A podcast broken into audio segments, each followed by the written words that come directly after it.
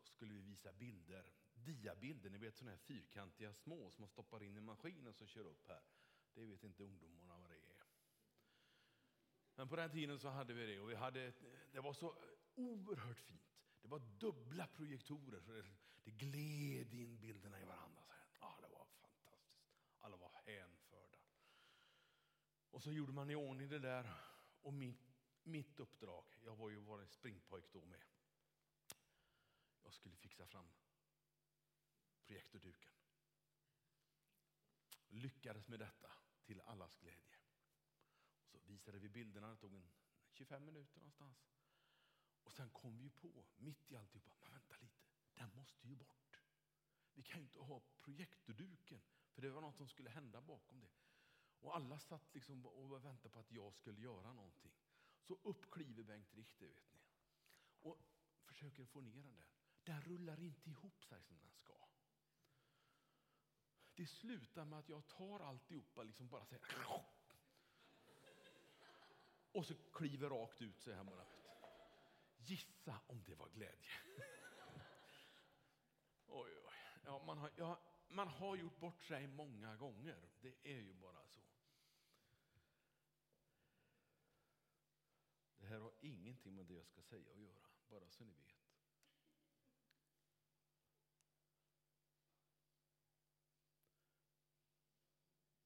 Nej men kära vän, är du snäll och... Sådär. Ja, det var bara min klocka som man skulle få igång, inte ens det fixade jag. Den här dagen är ju en fantastisk dag på många sätt. I många kyrkor så skallar det ett rop. Får jag prova det på er? Jesus lever. Min Jesus lever. Underbart Anders. Är det någon mer som är med? Min Jesus lever.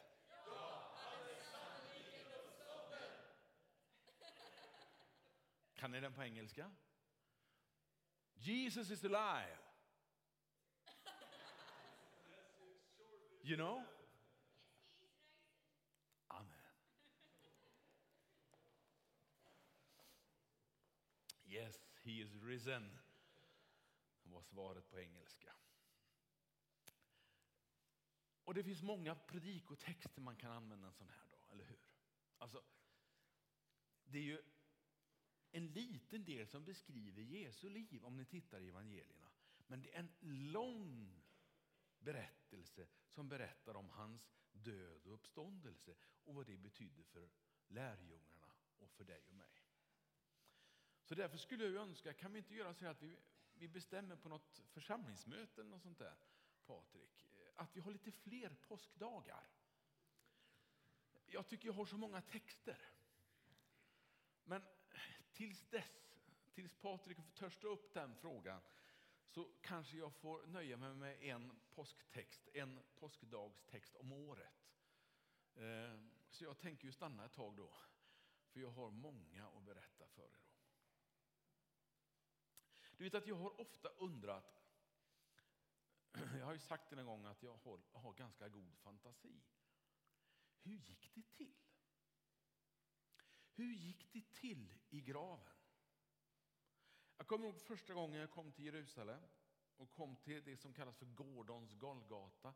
Det är en plats i Jerusalem som är väldigt lik den som man anar att det kunde ha sett ut där Jesus dog och där man lade honom i en grav. Allt det där finns inom en väldigt nära del på Gordons Golgata. Nu är det väl så att man inte riktigt är hundra på att det verkligen var just där, men det såg ut ungefär så. Och jag kunde inte hålla mig när jag hade sett den där platsen man, man kunde se en dödskalle och kunde ana att det var en bergknalle och kanske det stod ett kors där. Men det var inte så viktigt för mig. Det viktiga för mig var att komma till graven. Det viktiga för mig det var att få komma dit. Och när jag kommer dit och ser stenen bortvältrad så står det en liten, liten grön skylt bredvid ingången till den graven. He's not here, he's is risen. Fantastiskt. Då satte jag mig ner. Så grät jag en skvätt. Jag var inte gammal då. Jag var inte 20 år fyllda. Men tänk på det. Tänk att få vara där när det hände. Tänk att få vara där när, när allting sker. Hur gick det till? Några av er jobbar i sjukvård, eller hur? Ni har ju fullt sjålar om mitt liv. Men Gud, han väcker de döda till liv. Det har inte sjukvården fixat än, riktigt. I alla fall inte på det sättet som Gud gjorde. Han återuppväckte Jesus för att aldrig mera dö. Kom igen när sjukvården fixar det. Det kommer de aldrig att fixa. Även om de kan hålla oss vid liv, även om de kan göra väldigt mycket gott. Men vi kommer aldrig att kunna få så mycket liv av sjukvården så vi aldrig dör. Hur gick det till? Jag tror att han var död, förstår du. Han var, höll jag på att säga, stendöd. Han var verkligen död, Jesus. Jag vill säga, det är mer ett under att han levde så länge som han gjorde efter den pina och den tortyr han fick utstå innan han dog. Så han var nog död. Men hur fick han liv? Det gick ett rykte i stan att han skulle uppstå igen. Så man gick till romerska, eh, till armén, till eh, de som höll ordning och reda där. Och så sa de, ja, ni får, ni får en, en vakt, en vaktstyrka som vi placerar vid graven. Ingen ska kunna komma och säga att han lever för eh, kroppen är borta. Nej, ingen ska komma in i graven. Sätter vi en vaktstyrka och det var inte att leka med. Det var inte ABAB de skickade dit eller vad de nu kan, Securitas eller något sånt där de skickade dit. Utan det var romerska soldater och när de sattes på vakt, då sattes de på vakt med livet som insats. Om de inte gjorde det de var satta att göra så miste de livet. Det var ingen snack om det. Hur gick det till? Hur kunde Gud göra så att Jesus får liv? Hur kunde någon förflytta stenen? Hur kunde någon ta sig förbi vakterna? Hur är det möjligt? Det har jag funderat på. Det har jag funderat på både en och två gånger. Och naturligtvis har jag hittat en massa svar, det är ju självklart.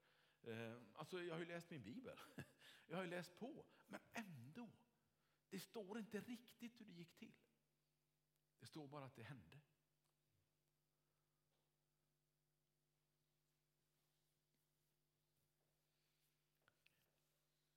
Vi vet att när han väl kom ut ur graven så möter han människor. Och någon känner ju inte igen honom ens en gång. Det var Maria från Magdala som inte kände igen honom. Förstod inte. Alltså för henne var det ju så naturligt att han var död. Hon hade ju sett dem lägga honom i en grav. Var, han var ju död. Det fanns inte i hennes världsbild att han kunde komma gående mot henne livs levande och till och med börja tala med henne. Så hon fattade inte det. Men jag älskar att tänka på det ögonblicket. När Jesus verkligen vill tala om för henne att det är han. Vad gör han då? Och han säger Bengt, säger han. Nej, han sa Maria. Och jag tycker ibland jag hör det där, Bengt, jag lever. Dan, jag lever. Sara, jag lever. Jag lever. Han vill säga, han vill påminna dig det idag. Han lever. Det är ingen story vi har fått ihopdiktad. Det är ingen vacker avslutning på en härlig berättelse. Ja, det är det också i och för sig. Men det är en sann upplevelse. De som skrev, de trodde så hårt på det de skrev. Så de gick i döden i sitt, under sin levnad. De, de dog på grund av att de trodde på att eh, Jesus levde. Så ska jag säga. Så det var inte bara så där någonting som de hade kommit på under några dagar däremellan. Att, men vänta lite, vi, vi, vi kan ju inte stanna här, vi måste ju vi måste, han måste ju få leva vidare. Vi måste hitta på något. Hörrni. Vi bildar en kommitté. Vi låter styrelsen ta hand om det här. De kommer få lösa det. Nej, han var död. Han var bort. Det fanns inte. När de till och med kom och berättade, men jag har sett honom. Ja, ja, det är lugnt. Eh, du har inte sett Jesus leva. Han, han, han är död. Men någonting händer i graven. Och jag har funderat på vad var det som hände? Vi ska läsa en text, en enkel vers från Filipperbrevet. Filipperbrevet 3 och 10.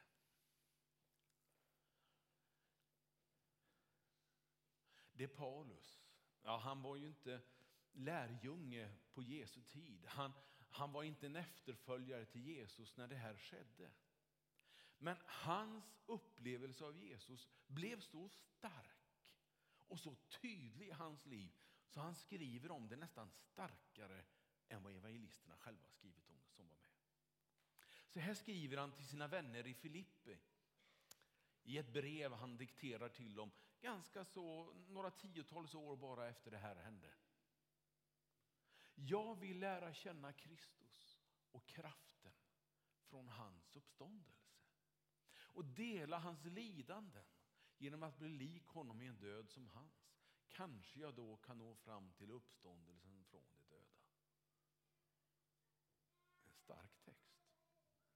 Inte nog med de första raderna. Kraften från hans uppståndelse som han ville känna. Utan han var till och med med på att dela den död han fick.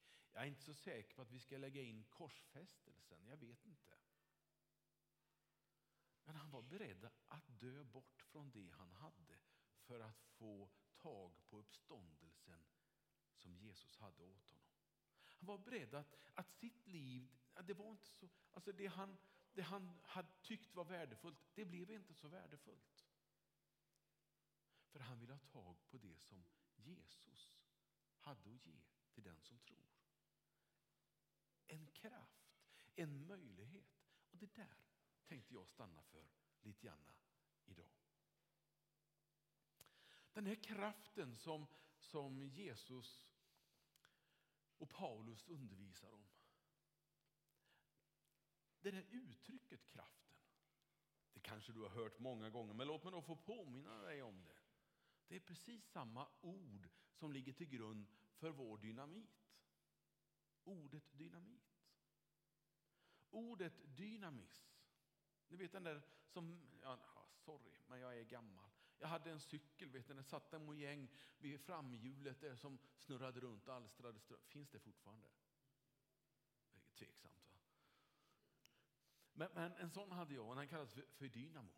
Och den gav ljus till cykeln.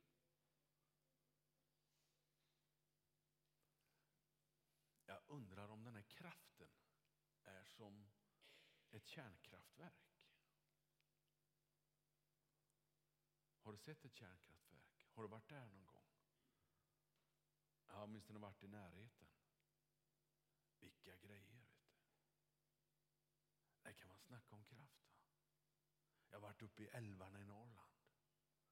Och sett när de slänger sig ut för tiotals meter, bara vräker ner vatten i turbiner som sen producerar ström som vi kan ha i våra uttag.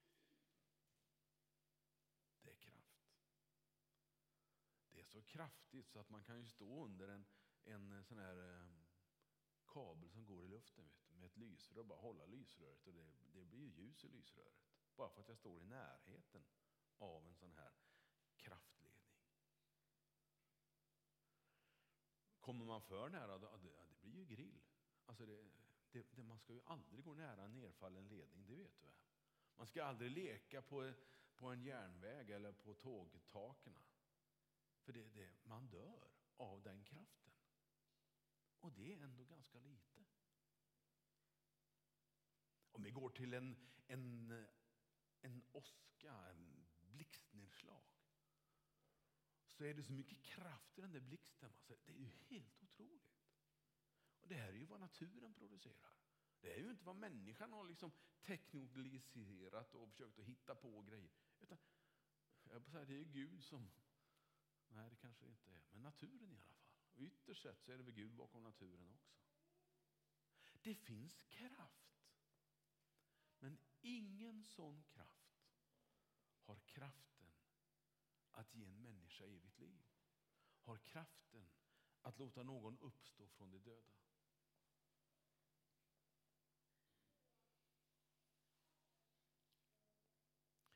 Det verkar vara en speciell kraft som Gud har.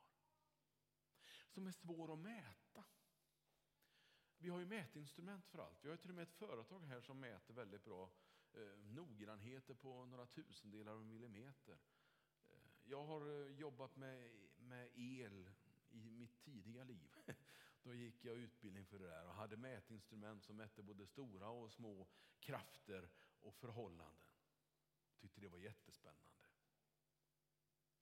Men jag har inte hört någon som har sagt att jag har mätt den kraften som Gud har. Den där kraften som gjorde att en dag kunde han säga var det ljus och det blev ljus.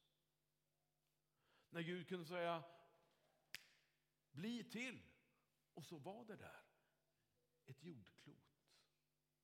Jag vet inte hur lång tid det där bli till tog. Det kan man ju fundera på också. Men det är en annan predikan, eller hur? Om det tog 10 miljoner år eller om det tog två ögonblick. Jag har ingen aning. Men det är någonting med Gud som gör att när han säger någonting, då händer det grejer. Va? Det finns en kraft hos Gud som jag gärna skulle vilja ha tag på. Tänk om vi kunde få del av den kraften. Vad häftigt!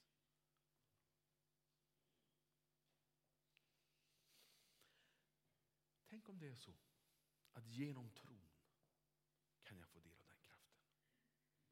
Tänk om det är så enkelt. Jag behöver inte ha, jag har en son, han är jätteduktig på matematik.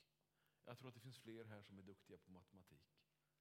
Som kan mycket om variabler hit och dit och ja, konstiga tecken och konstiga krumelurer som betyder jättemycket och som man sen kan räkna ut allt möjligt med.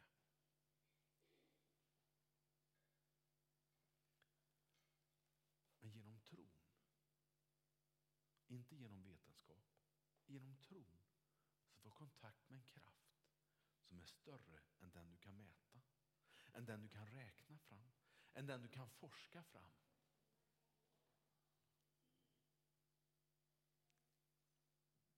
Hemligheten ligger i versen som vi läste.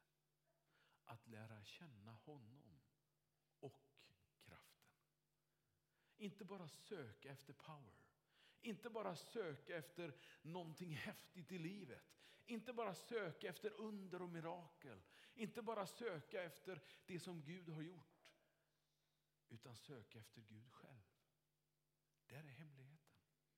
Att söka efter tron på Jesus Kristus, det är häftigare än kraften som följer med den. Ja, men det där med uppståndelsen, ja, jag vet, jag vet, jag är tillbaka där. Det är ju lite unikt med Jesus i alla fall. Jag har inte hittat någon religion vars religionsstiftare dör och som sen uppstår några dagar senare. En religionsstiftare som dör för att uppstå och sen aldrig mer dö. Alltså, kristendomen har en del unika inslag, men det här är det unika utav det unikaste. Ingen annan är ens i närheten av att någon religionsstiftare dör för dem som ska tro på honom. Ännu mindre uppstå igen för att aldrig mera dö. Jesus, han är föregångaren i allt. Han är föregångaren i att leva ett bra liv. Det handlar inte om att få en si och så stor kåk eller en si och så häftig bil. Det handlar inte om att få en sån kanonutbildning som vi mycket väl kan få. Det handlar om tro. Det handlar om honom. Jag har en bild där, det är därför jag pekar. Ni har ju samma bild bakom mig. Men det blir ibland när man pekar på det, så ni inte undrar vad det är som händer. Uppståndelsen, det var inte fejk.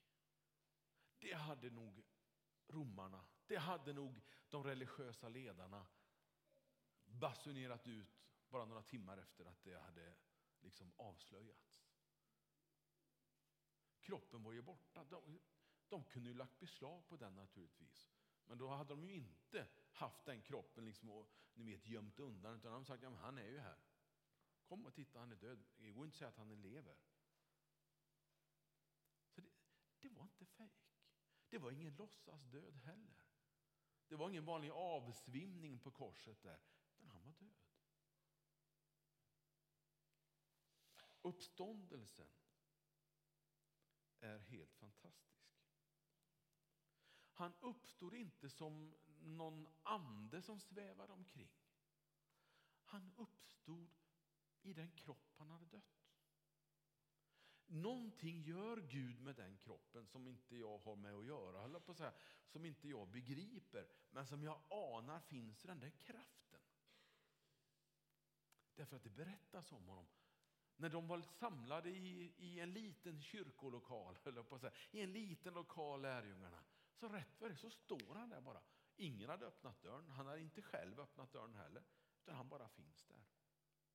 Och han är så verklig i sin närvaro så han säger till en av dem som tvivlar att kom, här är min hand, känn. Kolla, här är spikhålen.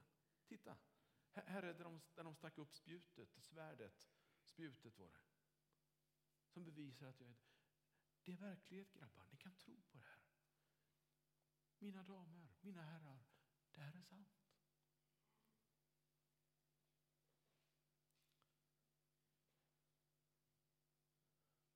Jesus var omtänksam nog att inte chocka lärjungarna. Utan han ville visa dem att det är på riktigt. Jag är inget spöke, det är ingen ande. Ta det lugnt. Kan jag få någonting att äta förresten? Jag är lite hungrig. Han, han var dem nära.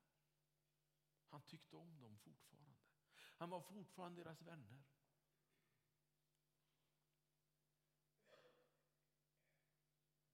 Döden var besegrad. Livets Herre var återuppstånden. För att du och jag skulle få tro på ett liv som inte tar slut. När döden inträder ibland oss, för det gör den. När döden knackar på så är det bara tillfälligt för den som tror. För i tron på Jesus Kristus finns ett hopp som går bakom, runt om, under, över, vid sidan av, rakt igenom.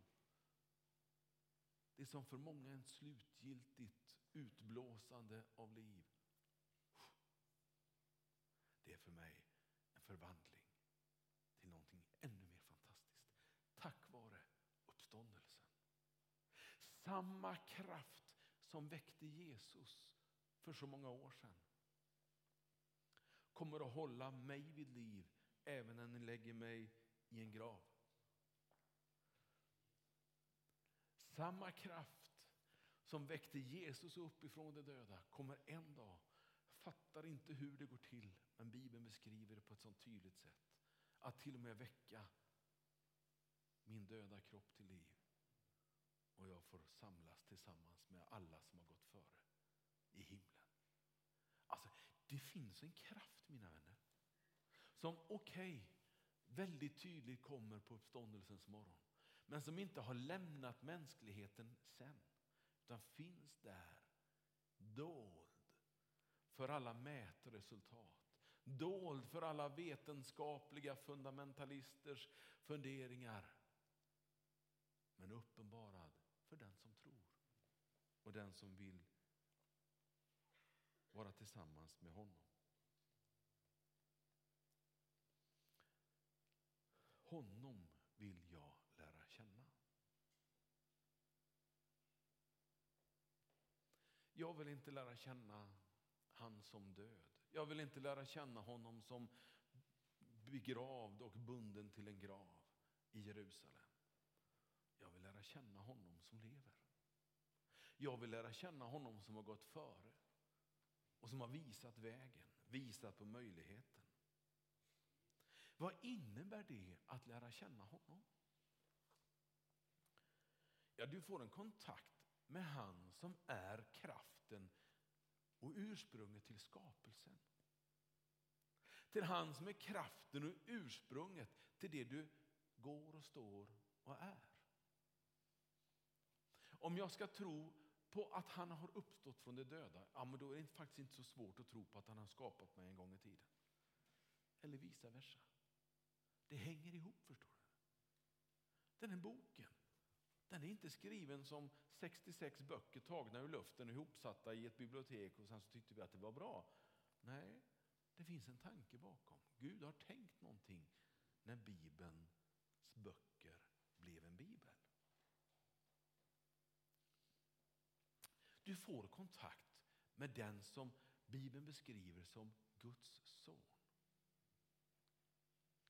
Jesus själv sa, ja jag är det, sa han. Det är jag. Och det var nog faktiskt därför som man beslöt att döda honom i det judiska ledarskapet.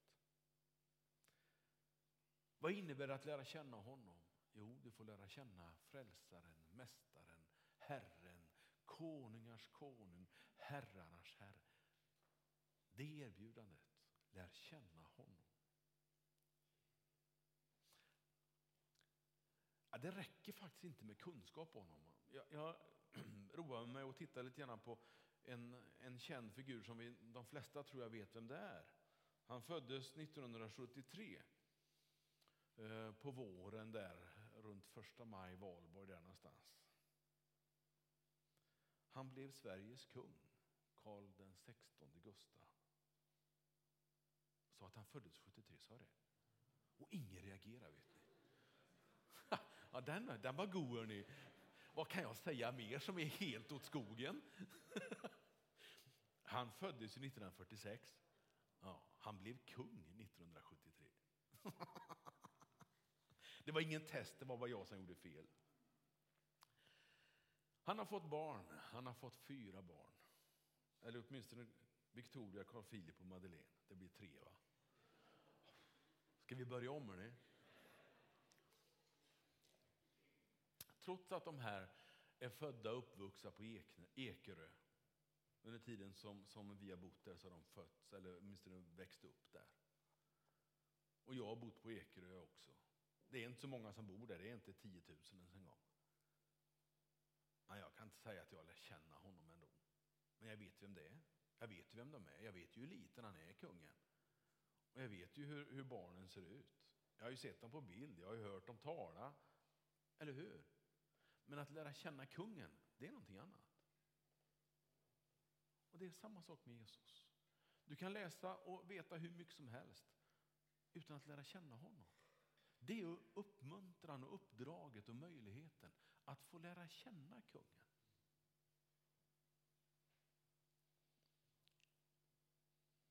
Hur lär man känna någon? Ja, nu är han ju inte här, men någonstans är han, det vet jag. Två år, snart, mitt barnbarn. Hur lär jag känna honom? Hur lär han känna morfar? Genom att vara tillsammans med morfar, eller hur? Jag älskar att vara tillsammans med honom. Sitta med honom i knät. Försöka förstå hans, hans ord. Försöka förstå vem han är. Vem ska han bli? Och han undrar säkert hur morfar är. Hur morfar gör. Morfar ska till kyrkan. Ja. Jag kan inte påstå att han vet vem jag är. Jag kan inte påstå att han känner min barndom. Jag kan inte påstå att han, att han känner mig och, den, och ändå så älskar vi varandra, jag och Elias. Och jag kan inte påstå att jag kan allt om Jesus, vet du vad. Men jag älskar honom för han lever. För han är uppstånden. Han har besegrat döden. Jag älskar honom. Han älskar mig. Han började. Han var den första. Jag började inte med att älska honom, det var han som älskade mig först. Så mycket så han gav sitt liv. Och sa att Bengt, det är lugnt. Jag har tagit det som är ditt nackdel och jag har gett dig ett evigt liv. Vill du ha det? Ja, tack. Det vill jag ha. Herre, hjälp mig att leva som du vill. Det handlar inte om storleken på kraften, storleken på tron. Det handlar inte om hur mycket du lyckas fånga. Det handlar om. Det är lika kraftfullt om du så bara får som ett litet, litet sten eller ett korn, ett frö. Som att du får det som ett jätteträd, välutvecklat och fint. Det är inte mindre verkligt eller större märkligt. Det är inte häftigare eller mindre häftigare. Utan det där lilla, det räcker för att förvandla ditt liv. För att förvandla din omgivning. För att förvandla Det räcker för att förvandla en församling. Det räcker att förändra en församling. En församling som behöver få många nya människor som blir frälsta och döpta. Det räcker att förvandla en stad, eller åtminstone en by. Vi är inte en stad, va? Nej, en köping tror jag. Men ibland skulle jag vilja ställa mig så här och titta ut. Jesus, Tibro behöver lära känna din kraft. Tibro behöver lära känna vem du är. Behöver fatta att du lever. Tibro behöver höra att påskdagens budskap, det är så mycket häftigare än alla andra budskap. Och ibland så undrar jag om de bara egentligen väntar på att någon med övertygelse ska gå ut och säga, jag har upplevt det. Jag vet att det är sant. Jag tror och vet på samma gång. Jag är så övertygad om att han lever. Det är vårt uppdrag. Det är inte att sitta och lyssna på en, inte ens en vacker predikan. Det är inte att sitta och höra vackra sånger, utan att berätta han lever. He's not here, he's risen. Det är ditt uppdrag. Han är inte här, han är uppstånden. Och till din hjälp har du bland det häftigaste som finns kraften i hans uppståndelse.